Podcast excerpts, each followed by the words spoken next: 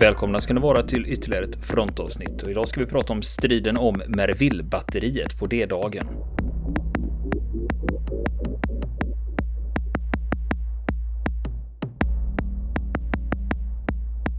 Och nu fortsätter vi höra historien om striderna vid Merville-batteriet. Och hur var det då på den tyska sidan om man ska titta lite närmare på det här batteriet då? Eh, jag har ju nämnt lite grann om det då, men det är, alltså de här fyra kassematterna då. Och det var ju gamla tjeckiska haubitsar, 10 cm kaliber från första världskriget. Och så de här, ah, en lång rad andra bunkrar. Eh, problemet om du ställer haubitsar i bunkrar på det här sättet är att de bara kan skjuta åt ett håll. Så att varje gång de skulle skjuta åt något annat håll så var man tvungen att släpa ut dem i bunkrarna. Genom bakdörrarna. Och, och rigga upp, ställa upp dem på eh, utanför för att kunna skjuta åt andra, i andra väderstreck.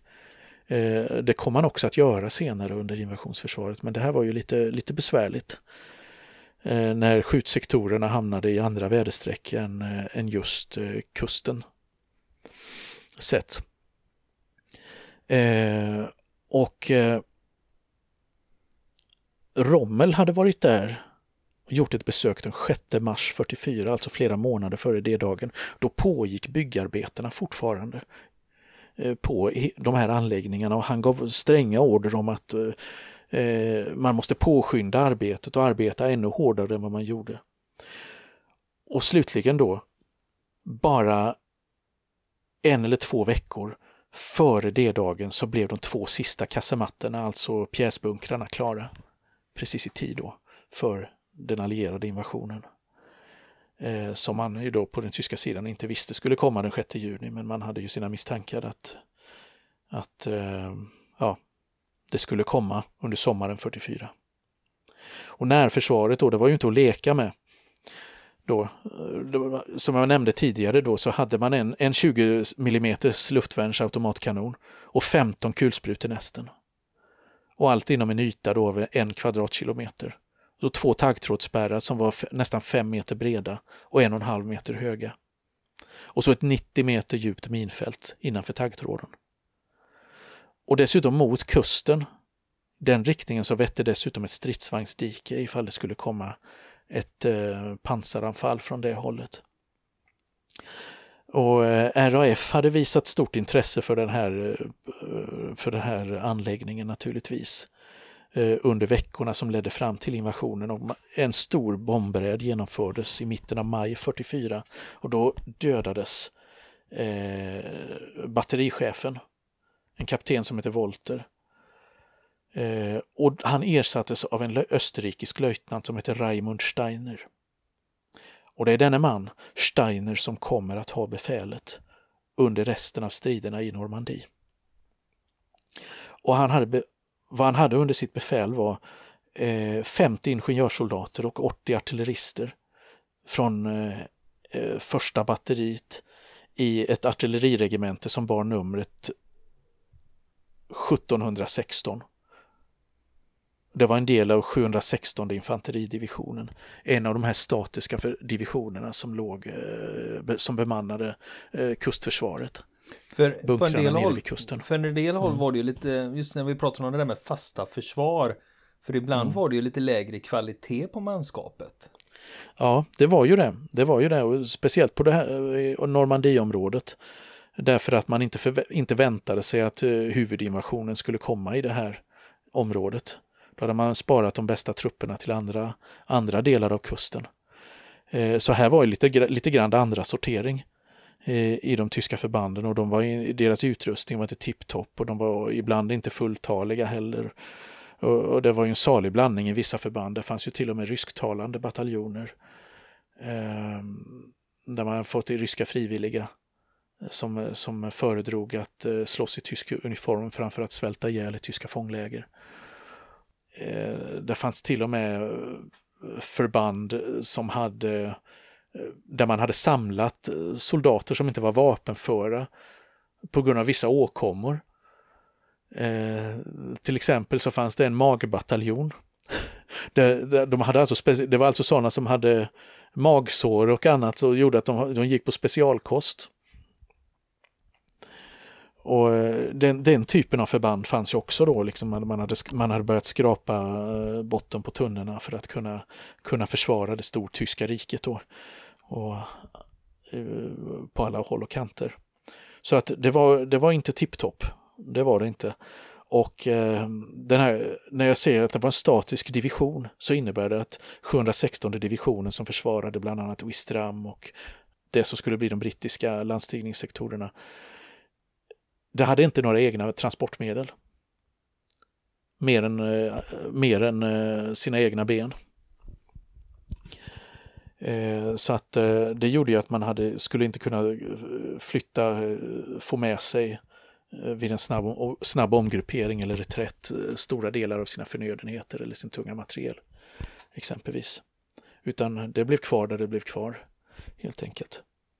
Och Steiner då, löjtnant Steiner, en ung man, österrikare från Innsbruck, som tillhörde bergsartilleriet. Alltså han tillhörde bergsjägarna och deras artilleri.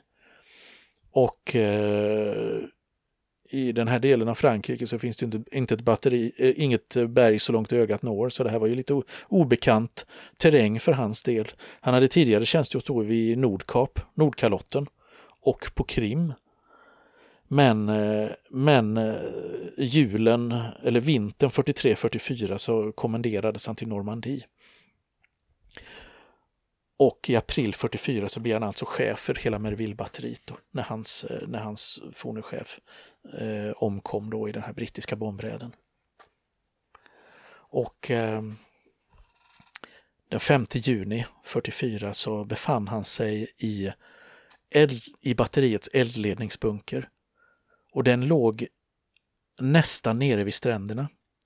Eh, nere vid kusten, rak, rakt nedanför batteriet, så låg en, ligger ett samhälle som heter Fransville Plage. Fransville. Och där låg eldledningsbunkern. Där uppehöll han sig den 5 juni. Regnet öste ner, det var skitdåligt väder när han gick till säng. Så det var, och i en allierad invasion var det nog det minsta som eh, de flesta tyska försvararna i Normandie tänkte på den natten. Och vi, och vi vet ju idag då att eh, klockan 22.15 på kvällen den 5 juni så skickar BBC ut andra delen av en kod till den franska motståndsrörelsen via ett, ja, ett kodat meddelande i eh, anslutning till en nyhetssändning. Och det var ju en dikt av en fransk eh, 1800-talspoet som heter Paul Verlaine. Och den frasen eller strofen som skickas ut, Blaisant mon cœur d'une langueur monotone. Och det här visste man då, eller hade en ganska god uppfattning om i den tyska militära underrättelsetjänsten, att det här hade någonting med invasionen att, att göra. Och eh, att det förmodligen var en kod, hade man gissat sig till. Att det här var en kod som berättar att invasionen var nära förestående. Betyder det någonting kring med längtande hjärta eller något sånt? Eller? Ja, exakt. Ja, det, det är ju det det gör. Eh, sårar mitt hjärta. Mm, och eh, eh, jag kommer inte ihåg exakt eftersom jag inte är så där fluent i franska riktigt så kan jag tyvärr inte, kommer inte ihåg på rak arm vad den här strofen betyder. Eh, men det kan vi lätt slå upp. Men den här, ja, ja precis, och eh, det lär vi ju snart få, få in, eh, få veta så att säga. Eh, här, kom ju ett, här uppstod ju ett problem. Därför att det var armén den tyska armén vid Calais som uppfångade den här signalen och som anade eller förstod dess innebörd. Och satte sina trupper i beredskap. Men grannarmén, sjunde armén i Normandie, fick ingenting veta. Signalen vidarebefordras inte dit. Vilket gjorde att ingen från arméns befälhavare, general Dolman, ner till löjtnant Steiner i sin lilla eldledningsbunker vid Fransville. Eller de flesta soldaterna men de hade ingen aning om att de skulle vara i strid bara några timmar senare med den största invasionsstyrka som har kommit från havet i krigshistorien. Mm, men det var inte så här att det var något misstag att de inte underrättade, något tekniskt misstag, utan det var bara det att man tänkte inte på att underrätta dem. Det verkar som man inte tänkte på att underrätta dem. Att det har glappat någonstans. Där. Det, det, är, väl vad, det är väl vad man kan säga. Det, det, kom inte fram i alla fall. Gjorde det inte. Till, till dem som man, man vid, i efterhand kan säga borde varit de som bo, uh, borde ha fått veta det. Först av alla. Men redan tio minuter efter midnatt så blir det halabaloo vid Mer Merville-batteriet. Och det här är långt innan överstelöjtnant Ottoways operation ska genomföras. För från ingenstans så dimper ett kanadensiskt glidplan ner alldeles bredvid batteriet. Det har hamnat fel, det har varit på väg någon annanstans. Och det är lastat med tung materiel. Som eh, en jeep med släpvagn, en motorcykel, bensindunkar och så några kanadensiska kommandosoldater. Eh, som skulle till ett helt annat målområde då.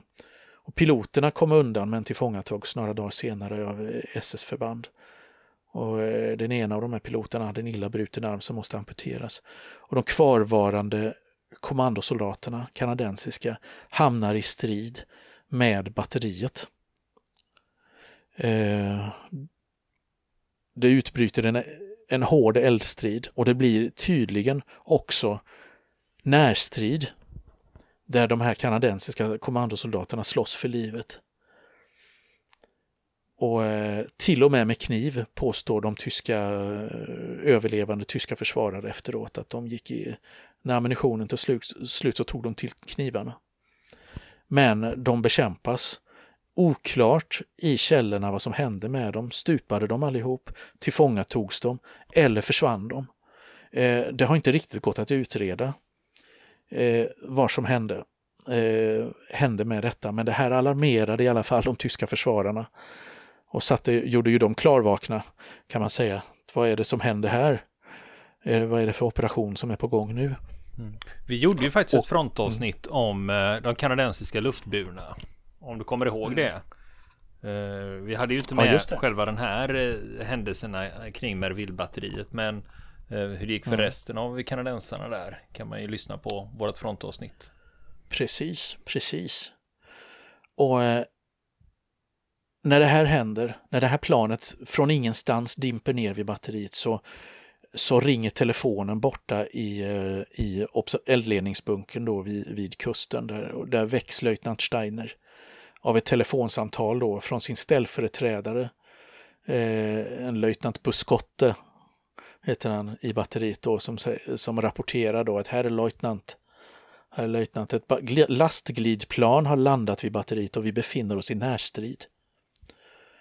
Och strax efter det här då så ringer Steiner, när han har lagt på luren så ringer han istället upp divisionsstaben, alltså 716 divisionens stab. Och generalmajor Wilhelm Richter, en officer som han inte har några varma tankar om, han, som han har träffat vid några tillfällen och som han tycker både högdragen och ovänlig, speciellt mot, eh, mot officerare som kommer från bergsjägartrupperna och rapporterar då om vad som inträffat men av generalen så får han bara ett avmätt svar att eh, tro inte att det är invasionen varje gång ett flygplan kraschar. Och generalen tar honom inte på allvar och var helt ointresserad när Steiner rapporterar om att det var närstrider med kommandosoldater. Mm. Och det är ändå lite, om man tänker sig ändå att det är ett mm. glidflygplan. För skillnaden är om ja. någon annan typ av flygplan dimper ner. Det är ju en sak liksom. Men glidflygplan ja, kan du bara ha till en sak liksom.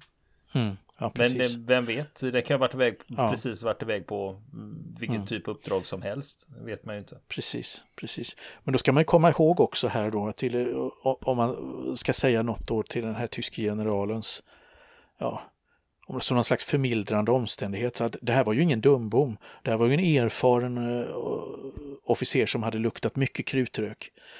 Och som naturligtvis var van vid väldigt upphetsade eh, anrop från utsatta frontavsnitt och där där, där, eh, som det kan bli när det inträffar något dramatiskt, att uppgifter överdrivs och så vidare. Och förmodligen så var det något sånt här som han trodde att det var, att han ville avvakta helt enkelt till han visste mer. Men det vet man ju inte i efterhand, liksom hur det var med den saken. Men eh, det skulle kunna vara på det sättet att, eh, att har man inte förväntat sig en invasion så tror man inte heller att när de första tecknen kommer att det är en invasion. Och det var väl så som eh, man reagerade i flera av de högre staberna på den tyska sidan. Och det här samtalet det loggades alltså 26 minuter efter midnatt den 6 juni i tyska krigsdagboken. 716 divisionens eh, krigsdagbok. Och Steiner, han överlevde det här och han har berättat själv om vad som hände och det, nu kommer vi in då på den, eh, på den tyska sidan av D-dagen här då också. Han berättade efter kriget då att han fortfarande är kvar då i, i eldledningsbunkern att eh, snart så kom det ett avlägset muller och sen syntes en oändlig ström av bombplansformationer ovanför oss. Det var verkligen imponerande. De flög så lågt att vi kunde se motorernas avgas, avgasrör glöda och blixtra. Och de bombade huvudsakligen väster om floden Orn. Sedan bombade de helt kort på vår sida av floden och sedan inåt land söder om oss. Och jag såg fallskärmsjägare och sen glidplan komma. Jag kunde inte begripa hur sådana tingestar kunde flyga. Jag har aldrig sett så enorma glidplan och de flög så lågt. Och vi stod i sanddynerna vid min bunker i närheten av Fransville och såg allt det här, berättar han.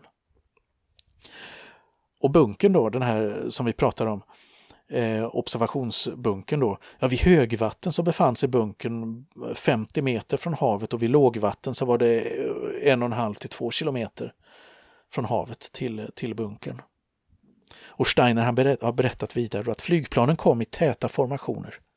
Jag kommer aldrig att glömma det intryck som de gjorde på mig. Vibrationerna i luften fick sanddynerna att rasa runt omkring oss.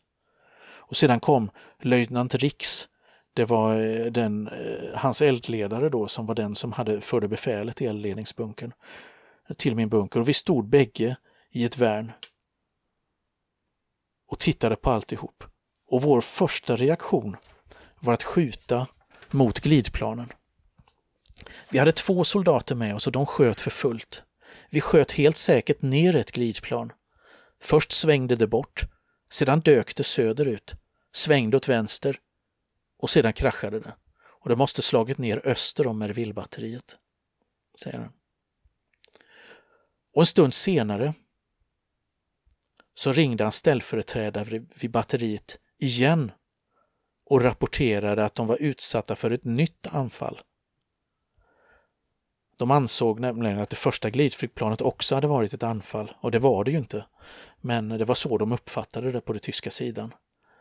Eh, då, och nu kommer vi fram till den riktiga anfallsoperationen. Löjtnant, eh, överstelöjtnant Otways show. Och strax efter midnatt den 6 juni då så landar Otways förtrupp med brigadens stigfinnare i eh, sina planerade fällningsområden. Och stigfinnarnas uppdrag, det, det hörs ju av blotta namnet där, det är de som ska, de ska hitta vägen. Märka ut landningsområdena för de som kommer efter eh, med signalljus. Och eh, sedan eh, även börja eh, orientera sig om vägen från landningsområdet till eh, anfallsmålet. Och de, nådde, de, här, de här små grupperna då, eh, de når bataljonens samlingsplats utan problem. Allt flyter smidigt och fläckfritt så långt i mörkret. Och några mannar då, de stannar då för att märka ut kompaniernas eh, fällnings och landningsplatser. Och med dem så är ju ställföreträdande bataljonschefen, en major som heter George Smith. Och han har en spaningspatrull då, de ger sig samtidigt ut för att spana på batteriet eh, orientera sig och se hur man ska eh, eh, närma sig det.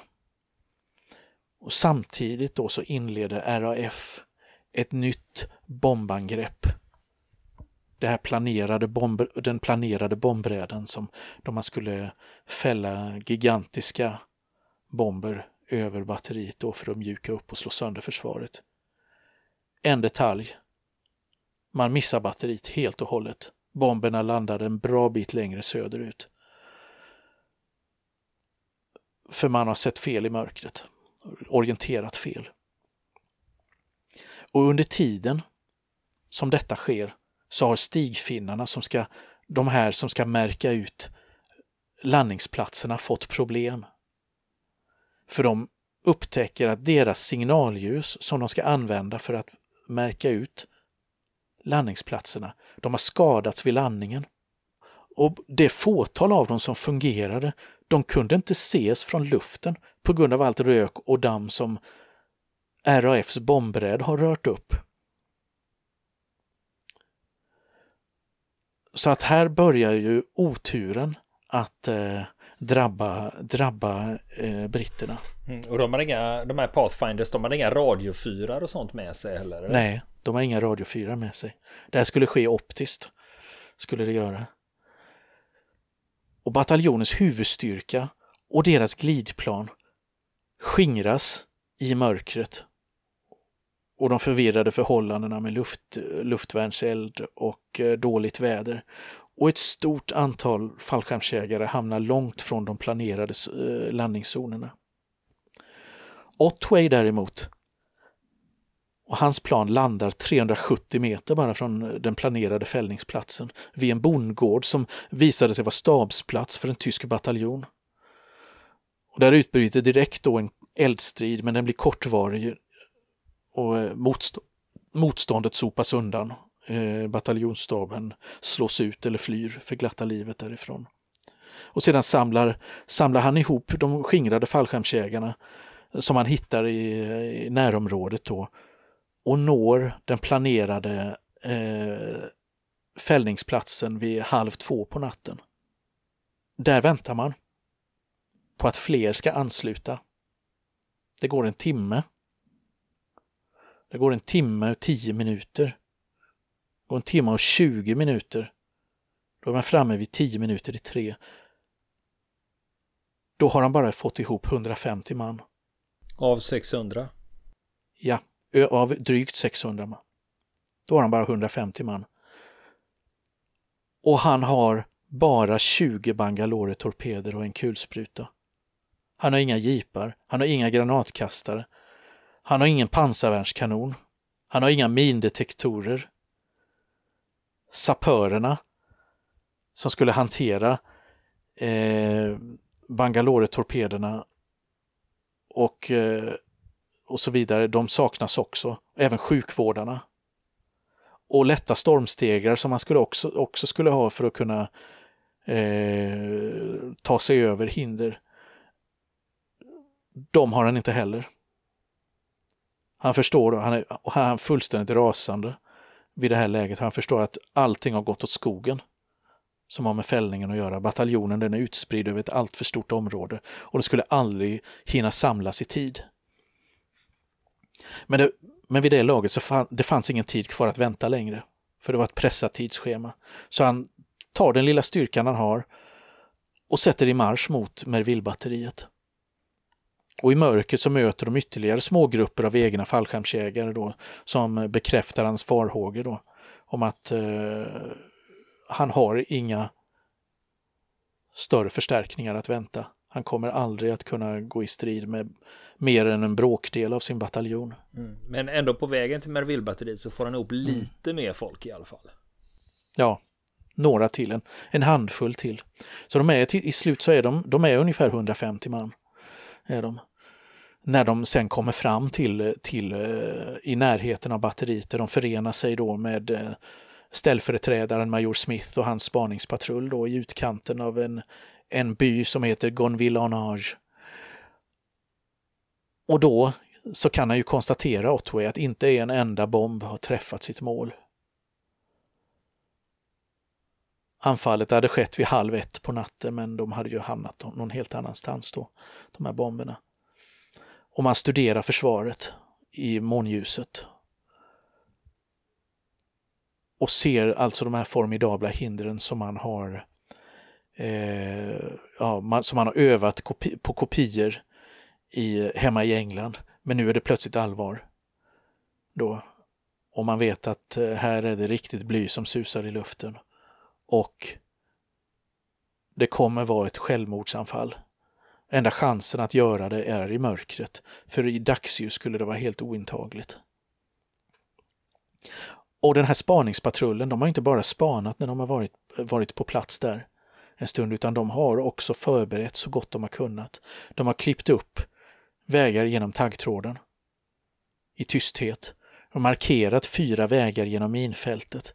Och det var, också, det var ett sånt där uppdrag mitt i natten som skulle kunna få nackhåren att resa sig på de allra modigaste och erfarnaste soldater.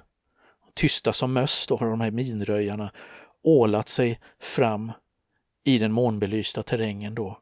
Tyst, tyst för att inte väcka de tyska vaktposternas uppmärksamhet. Trevat efter snubbeltrådar och använt bajonetterna för att söka efter minor. Och så att man har ändå gjort ett gott förarbete på den här tiden med de begränsade resurser man hade. Och Otway, ja han delar upp sin styrka i fyra anfallsgrupper. Istället för de här elva som han hade planerat. Och sen sätter man sig och väntar på de tre glidplanen. Du kommer ihåg glidplanen som skulle de skulle dimpa ner mitt i det ja. Mitt i batteriet, ja precis.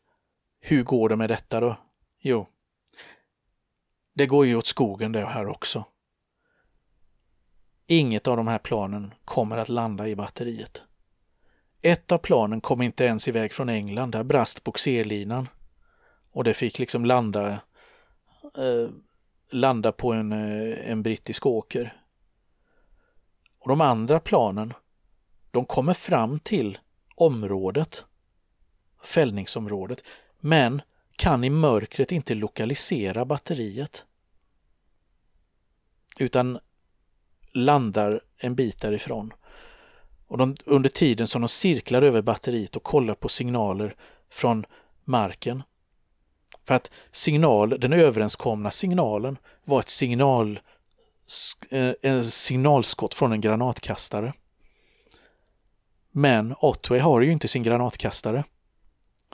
Därför kommer inte signalen. Samtidigt så peppras de här planen då av tyskt luftvärn. Den här 20 mm eh, automatkanonen som finns i, eh, i batteriområdet. Och Otway kan till sin förtvivlan se hur de, de cirklar där uppe och, bli, och hur tältduken slits sönder i stora sjok av luftvärnsprojektiler. Medan de envist cirklar och väntar på klartecken. Till slut så försvinner de bort därifrån. Det ena kraschar, det andra hamnar i eh, direkt strid med en tysk styrka på annat håll. En tysk styrka som är på väg till batteriet för att förstärka det. Så under alla de här förberedelserna inför operationen och all hård träning som Otway hade genomgått så var han beredd på att den här anfallsplanen, visst den skulle spricka på vissa punkter när den skulle verkställas och man skulle bli tvungen att improvisera. Sånt fick man ju alltid räkna med. Men han hade inte räknat med att hela rubbet skulle spricka. Ingenting hade fungerat. Jag tänker på om man jämför då med mm. Pegasusbron. Där, mm. eh, där, där glidflygplanen kommer liksom perfekt. Liksom, och mm. landar liksom på metern där, den ska, där ja. de ska sätta ner dem. Och de precis. stannar precis där de ska sitta ner. Och så, ja. och så, det här är motsatsen men, till Pegasus. Ja, precis. Är det. Och eh, de flesta av hans soldater och de mesta av hans materiel är någon helt annanstans all understöds, eh, alla understödsvapen och all rust, utrustning är borta utom den där enda kulsprutan och några rörbomber. Och eh, lysgranaten kunde han inte avfyra. För han hade ingen granatkastare att eh, signalera med. Och, men som fallskärmsjägare så visste han att det var bara att försöka improvisera med det lilla han hade, för uppdraget måste utföras. Då. Och hans män då, de ligger eh, vid den här tiden utspridda i eh, bombkratrar och längs häckar och vid utkanten av batteriet och väntar på anfallssignalen. Och vid det här laget så vet jag, ja, det finns inga alternativ. Och hans divisionschef då, generalmajor Gale, hans order, den hade varit omöjlig att missförstå. Ni måste vara inställd på att den avgörande stormningen under inga omständigheter får misslyckas. Det var vad han hade att förhålla sig till då. Och det som hade riskerat att bli ett självmordsuppdrag, det skulle utan tvekan bli det under de här omständigheterna, tänkte han. Mm. Och Men det, ja, han ger råd. Ja, för jag tänker på det som står på spel här, liksom det de pratar mm. om. Det är, ju, det är ju egentligen hela invasionen. Alltså ja, om man säger det här, här, är, sektorn, ja, det här är nyckeln till att invasionen ska ja. lyckas. Och nu hänger Precis. det på er att ta det här batteriet. Så det är ju inte lite press på axlarna liksom. Nej, precis. För annars blir det ett blodbad liksom. Ni måste lösa detta. Så, så fort han ser det sista glidplanet missa batteriet och försvinna bort i fjärran så ger han order om anfall. Och nästa vecka fortsätter vi prata om striden om Merville-batteriet på D-dagen. Vill ni komma i kontakt med oss så kan ni göra det via vår Facebook-sida som heter Fronten. Det är inga problem för er att leta er fram där. Eller också så mejlar ni på vår mejladress och det är frontenpodcast.gmail.com.